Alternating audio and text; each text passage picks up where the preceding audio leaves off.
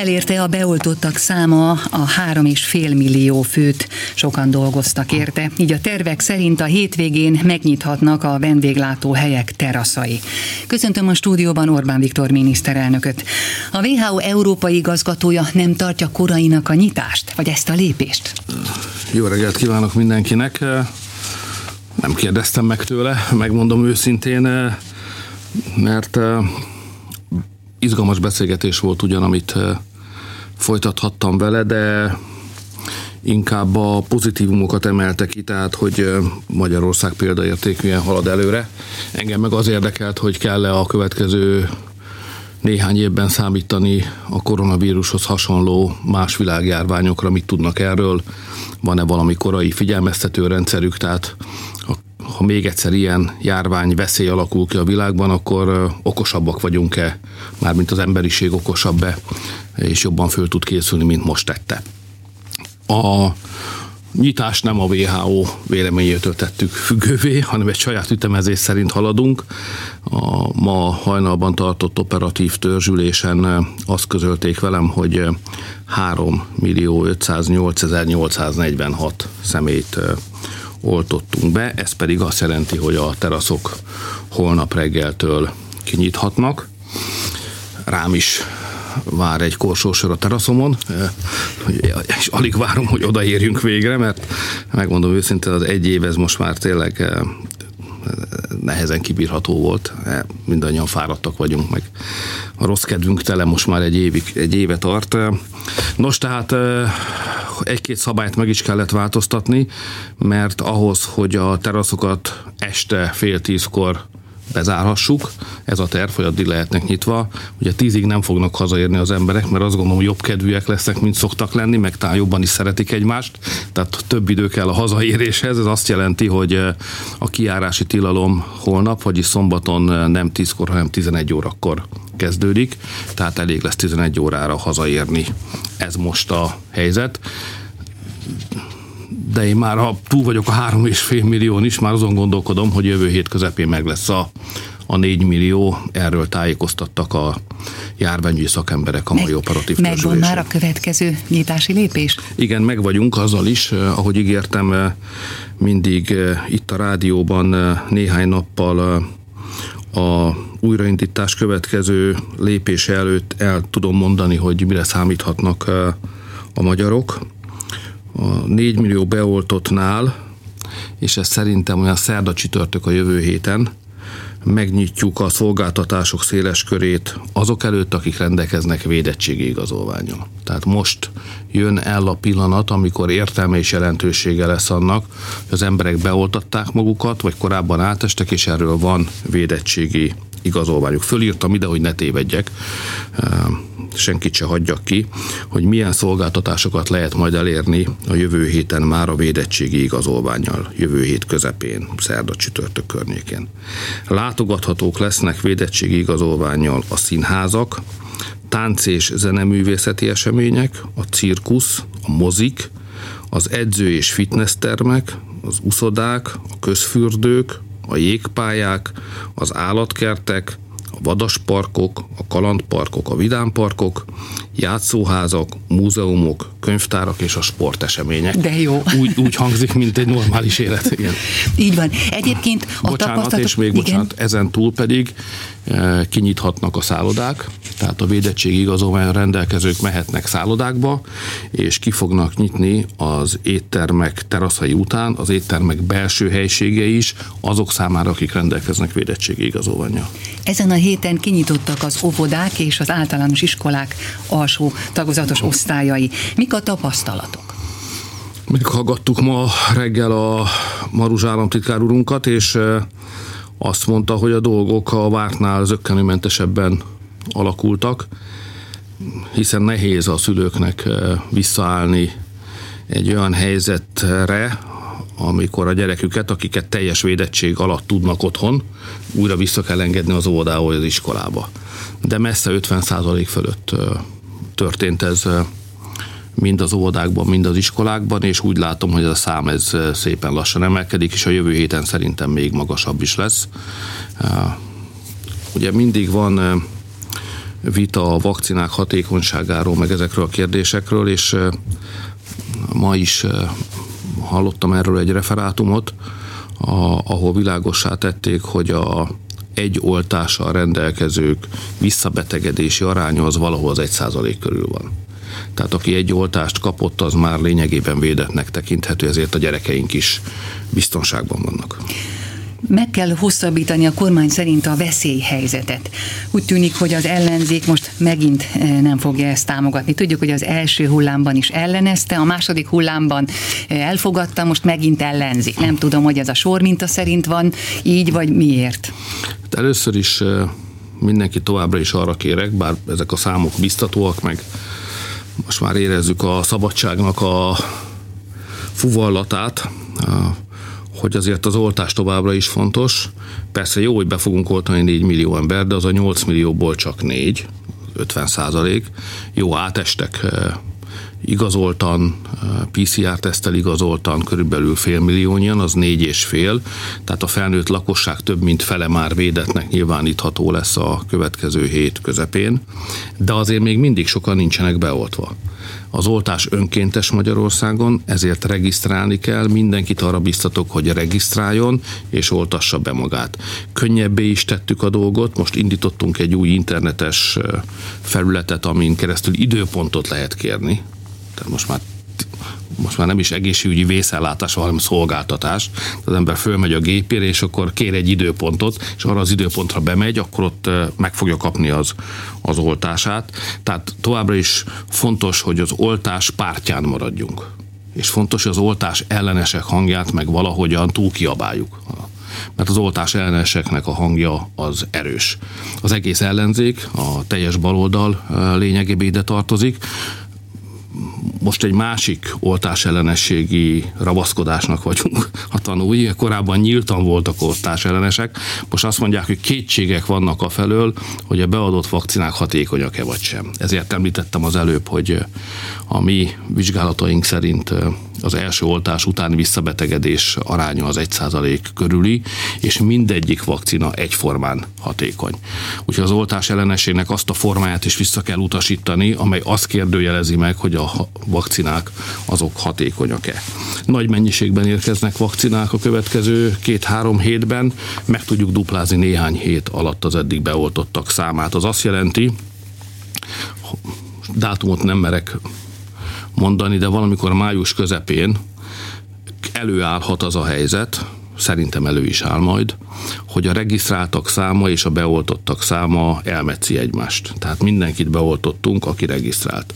Ekkor jönnek a világban élő magyarok, mert vakcinánk meg lesz ezért majd indítunk egy akciót arra, hogy ha Magyarországon élő magyarokat beoltottuk, akkor a világ bármely pontjáról lehet jönni annak, aki magyar, és meg fogja kapni a vakcinát. Még egy ponton bővítjük a beoltottak körét. Most meghallgathattam az egészségügyi miniszter jelentését a 16-18 éves kor közöttiek olthatóságáról nagy nemzetközi vita van, szakmai vita arról, hogy szabad-e őket oltani, vagy nem, s ha igen, hogyan, mivel. Ma az az álláspontja a Magyar Járványügyi Hatóságnak és az egészségügyi miniszternek, hogy a 16 és 18 év közöttiek beolthatóak.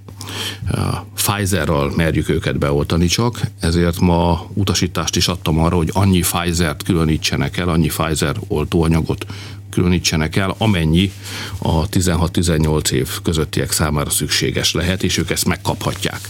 Az ő oltásuknak a rendjéről majd később néhány nap múlva teszünk közzé információkat. Aztán folyik a vita arról, Izraelben már nem csak vita, hanem az oltás is folyik, hogy a 12 évnél idősebbek, tehát 12-16 év közöttieket lehet-e oltani. Mi még ezt nem merjük vállalni, nekünk még kell néhány vizsgálatot elvégeznünk, hogy állást foglalhassunk ebben a kérdésben, de a 16-18 éveseket már eldöntöttük. Amikor majd szállodákba, sporteseményekre, színházba, moziba vagy koncertre mennek a szülők, akkor a kiskorú gyermekeket természetesen magukkal vihetik, hiszen a védettségi igazolványa látogatható helyszíneken csak védett emberek lesznek, és ott a gyerekeink nem lesznek veszélyben. A veszélyhelyzet meghosszabbítása nem jelenti azt, hogy a kormány összpontosítja továbbra is a hatalmat a kezébe, mert hogy az ellenzék ezt állítja. Lehet így is fogalmazni. de nem a hatalmat, hanem a cselekvőképességet kell nézni itt. Tehát az a fontos, hogy az ország működőképes és cselekvőképes legyen. Járvány veszély nem múlt el. Hát egy veszélyes helyzetben vagyunk. Az ország nem lehet cselekvőképtelen. A parlament elmegy nyári szünetre, és akkor mi lesz? Tehát szerintem szükséges, hogy a nyári, időszak, nyári időszakban a kormány cselekvőképes maradjon. Széles felhatalmazottsággal, erős felhatalmazással rendelkezzen, és minden szükséges döntést meg tudjon hozni, akkor is, hogyha honatják és honanyák nincsenek éppen a parlamentben, mert nyári szünetet tart a parlament. Tehát jól, szerintem jól döntöttünk, hogy beadtuk ezt a, az indítványt, és meghosszabbítjuk a szükséges intézkedésekhez való jogát a kormánynak. De látható, hogy lépésről lépésre egyébként újraindítjuk az országot, tehát egyre kevesebb korlátozás lesz a mindennapi életben, ettől még a kormánynak akcióképesnek kell maradnia. Tehát a két dolog nem zárja ki egymást, nem arról van szó, hogy zárva marad az ország, hanem hogy újraindítjuk az országot lépésről lépésre, és közben a kormánynak a cselekvőképességhez szükséges jogai meg lesznek alakulnak a számok, sikerül elérni menetrendszerűen a beoltottak számának emelését. Most az ellenzék azt a taktikát választotta, hogy naponta háromszor elmondják, hogy kerek nagy világon nálunk halnak meg a legtöbben a járványban, ahogy ezt az első hullámban is elmondták, például Szabó Témea mondta így, de most Gyurcsány Ferencék is ezt mondják. Közben itt vannak az Eurostat adatai, hogy a többlet halálozásban Magyarország abszolút a középmezőnyben van, 6, plusz 6,6 százalékkal. Hát, valahogy az emberben van egy rossz érzés, eh, amikor a halottak számával vívnak politikai csatát. Mert valahogy eh, ez olyan kínos. Tehát az emberek meghalnak, együtt kell érezni szerintem a, a hozzátartozókkal, eh, el kell temetni a halottainkat, szóval több tiszteletet az embereknek, talán ezt mondanám, nem politikai versenytárgya a halottak száma. Épp elég baj, ha egy is meghalt. Tehát lehet, hogy statisztikákban ki lehet mutatni, hogy elől, hátul vagy középen vagyunk, de én nekem egyetlen olyan magyarnak a halála is fáj, aki egyébként, ha nem lett volna ilyen betegség, akkor életben tudott volna maradni. Neki is van apja, anyja, vagy ő maga éppen édesapa, édesanyja, valakinek a gyermeke, szóval ezek, ezek sokkal mélyebb dolgok, mint a politika. De valahogy mégiscsak beszélni kell erről, és a politika világa meg, hogyha beszélünk róla, akkor vitatkozunk is rögtön. De mégis ez valami több decensséggel vagy méltósággal is tehetnénk. Tehát én szívesen veszek részt abban az adokkapokban, amik a halálozási statisztikák körül zajlanak, csak azt tudom önnek elmondani, hogy én mit nézek. Tehát én mind eddig is ezt tettem, ezután is ezt teszem, hogy van az Európai Uniónak egy minden tagállamra kiterjedő adatszolgáltatási felülete, ahol közlik, hogy az utolsó békeévhez képest a covidos évben mennyien halnak meg. Ez közlik havi bontásban is, meg negyedéves bontásban is. Talán időnként heti bontásban is. Ez azt jelenti, hogy ez egy valóságos szám, ami azt mutatja, hogy mennyi életet veszítettünk el az utolsó békeévhez képest. És ha így nézzük, akkor Magyarország az, hát itt nem lehet jól állni, de Magyarország egy, egy tartható pozícióban van. Inkább a jobban teljesítő országok közé tart, tartozik, tehát ahol inkább kevesebben haltak meg. A magyar adatszolgáltatás egy másik logikát követ. Magyarországon nem teszünk különbséget a között, hogy valaki Covid-ban halt meg, vagy Covid-dal halt meg.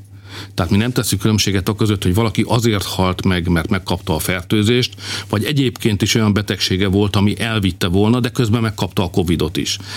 Teljesen egyszerű példát mondok, hogyha valaki kap egy heveny gyomorvérzést és meghal, de közben kiderül, hogy Covid fertőzött volt, a kettő dolognak nincs köze egymáshoz, mi beírjuk Covid halálozási esetként, mert ilyen a magyar egészségügyi statisztika. Ezt a legelején is tudtuk, meg is kérdeztem a ezzel foglalkozó szakembereinket, hogy miért ilyen, amire az a nagyon világos válaszott, hogy mindig is ilyen volt. Egy nagyon konzervatív módon vezetjük az adatokat, és ezen a rendszeren nem kívántak változtatni a szakemberek. Tehát továbbra is így fut. Tehát még egyszer a Covid-ban és a Covid-dal meghaló közötti különbség nem jelenik meg nálunk. Az európai statisztikákban igen, ezért én inkább azokat követem.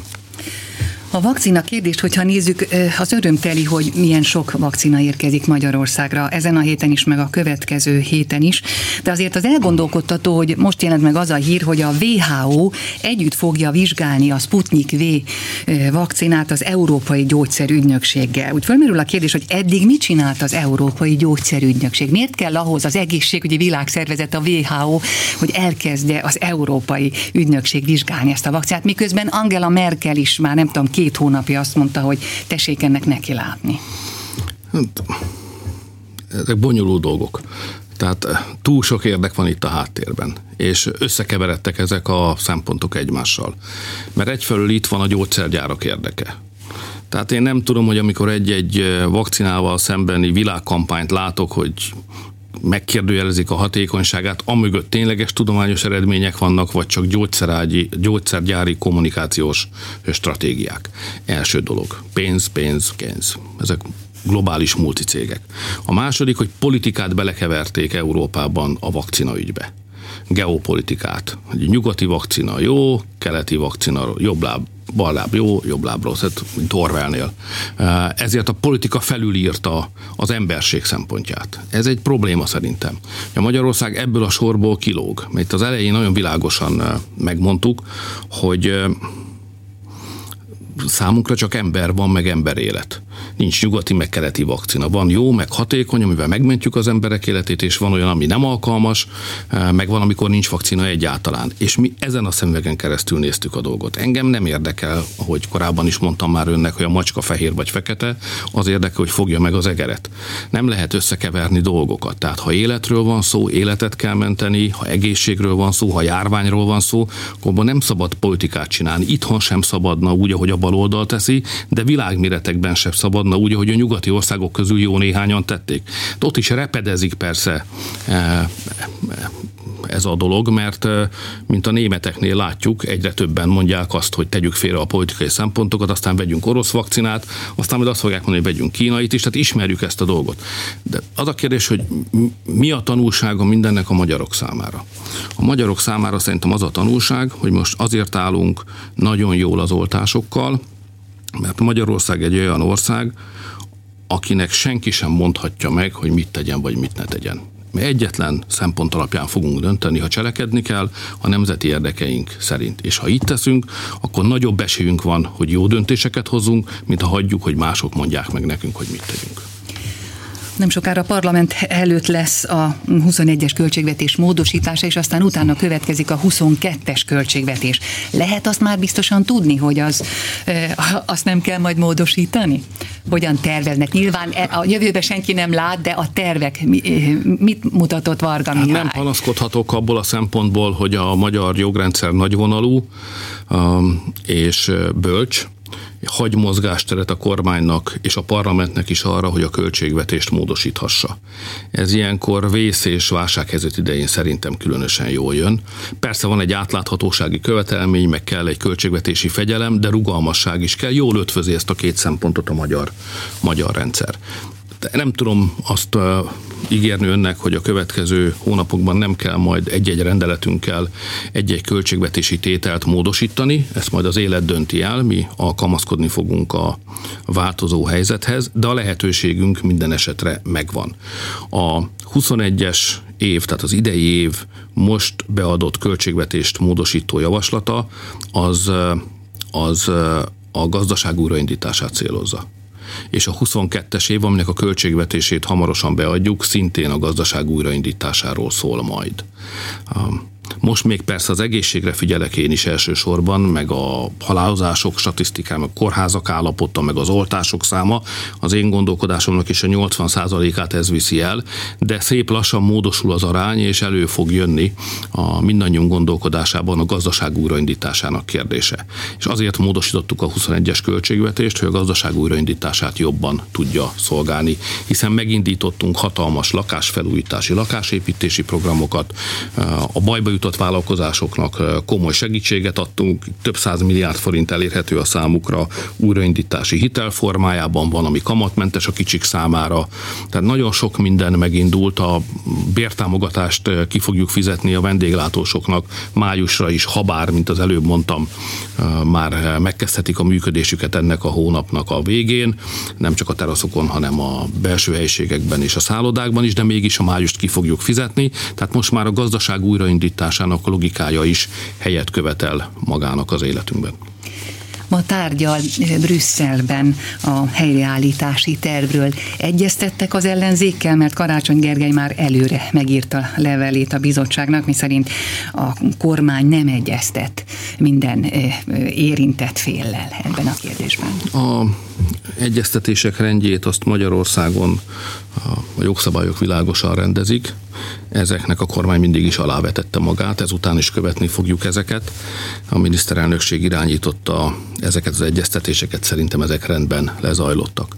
Ami a mai brüsszeli megbeszéléseket illeti, nem akarok én ott tárgyalni igazából semmiről, mert lényegében a, a pénzügyi kérdések rendezetnek tekinthetők, van három-négy ügy, ami nyitva van, ezeket majd a szakértők lezárják. Engem sokkal inkább az Európai Unió jövőjével kapcsolatos kérdések izgatnak, ne felejtsük el, hogy itt nagy változások előtt állunk, hiszen megint itt az Európai Unió egy olyan közös gazdasági válságkezelő programot, ami korábban még nem volt. Szeretném tudni, hogy ez egyszeri eset, vagy ismétlődni fog. Szeretném látni, hogy hogyan készül fel az Unió egy esetleges mostanihoz hasonló járványhelyzetre, milyen tanulságokat vontak le abból, amit az elmúlt hónapokban csináltak. Szeretném látni, hogy az új amerikai adminisztrációval való kapcsolattartás hogyan alakul, és hogy Magyarország, illetve az Európai Unió most akkor beszorul-e Kína meg Amerika közé, vagy ahogy Macron elnök úr mondta, lesz stratégiai szuverenitása vagy autonómiája, és nem egyszerűen az amerikaiakat követjük, hanem saját vonalunk lesz, ezek mind nagy kérdések. Én inkább ezekről kell, hogy beszéljek. Én nem akarok itt hosszan beszélni a saját szakmánkról, de a vezetésnek is megvan a maga szabályrendszere, amit mindenki könnyen megérthet, mert sok embernek van jogosítványa, tehát amikor kiengedik az embert először, hogy a gyakorlópálya után a közúton is kipróbálja a tudását, akkor az oktató első mondata, legalábbis amikor még én szereztem a jogosítványomat, így volt, az az, hogy soha ne a kerekek elé nézzek, mert akkor rángatni fogom a kormányt, és akkor össze-vissza megy az autó, és a végén meg lesz a baj, hanem előre nézzek, és azt szerint mozgassam a kormányt. Ez ugyanígy van a politikában, tehát azért megyek most Brüsszelbe, hogy előre láthassak, hogy azt szerint mozgathassam itthon a kormányt. Holnap Szentgyörgy napja van, a rendőrök napja. Nagyon sokat dolgoztak ők is azért, hogy a járvány helyzetben minden a helyére kerüljön, illetve ami kizökkent a helyéből, az valahogy mégis működőképes maradjon. Ön hogyan értékeli a rendőrség munkáját? Nézze, ugye én az utcai harcosok antikommunista világából érkezem, még a 80-as évek második feléből, ahol még azt kiabáltuk a rendőröknek, hogy vettünk nektek Yamahát, és inkább úgy gondoltuk, hogy ők a diktatúra oldalán állnak, és az elnyomó hatalmat testesítik meg, tehát azért ez nem volt olyan nagyon régen, ez 30 éve volt.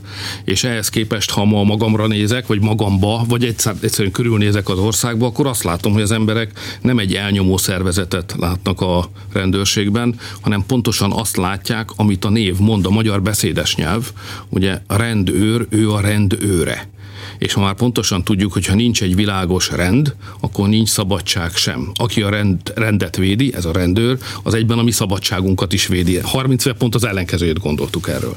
De most ez a helyzet, egy demokráciában ennek így is kell lennie. Úgyhogy szerintem a rendőrség helye a magyar emberek fejében eh, a tiszteletre méltó eh, foglalkozások közé van besorolva, e, és a személyes élményem is megegyezik ezzel. Most különösen a válság idején kellett nagyon sok időt együtt töltenem velük, Ugye sokat beszéltünk az orvosokról, meg az ápolónőkről, kevesebbet a rendőrökről, de a határőrizetet, a határrendészetet, azt ők látják el. Egyszerre kellett a migránsokkal szembeni határvédelmet ellátni, meg közben a válság, a járványhelyzet miatt szigorúbb határrendészeti intézkedéseket is nekik kellett végrehajtani. Úgy vagyunk túl lassan ezen az egyéves félháborús állapoton, hogy a közrend nem bomlott föl Magyarországon, a bűncselekmények száma érezhetően nem nőtt, és senkinek nem volt az érzése, hogy a káosz felé haladna Magyarország, csak azért, mert egyébként kialakult egy veszélyhelyzet vagy járványhelyzet. Hogy ez nem így volt, hogy nem a káosz felé mentünk, ilyen jeleket sem láttunk, az a rendőreinknek köszönhető. Tehát az orvosok és az ápolónők mellett, ha méltányosak vagyunk és igazságosak vagyunk, akkor a rendőröket is mindig oda kell gondolnunk, vagy meg kell említeni, és nagy tisztelettel érdemes köszönetet mondani a munkájukért. Köszönöm. Orbán Viktor miniszterelnököt hallották.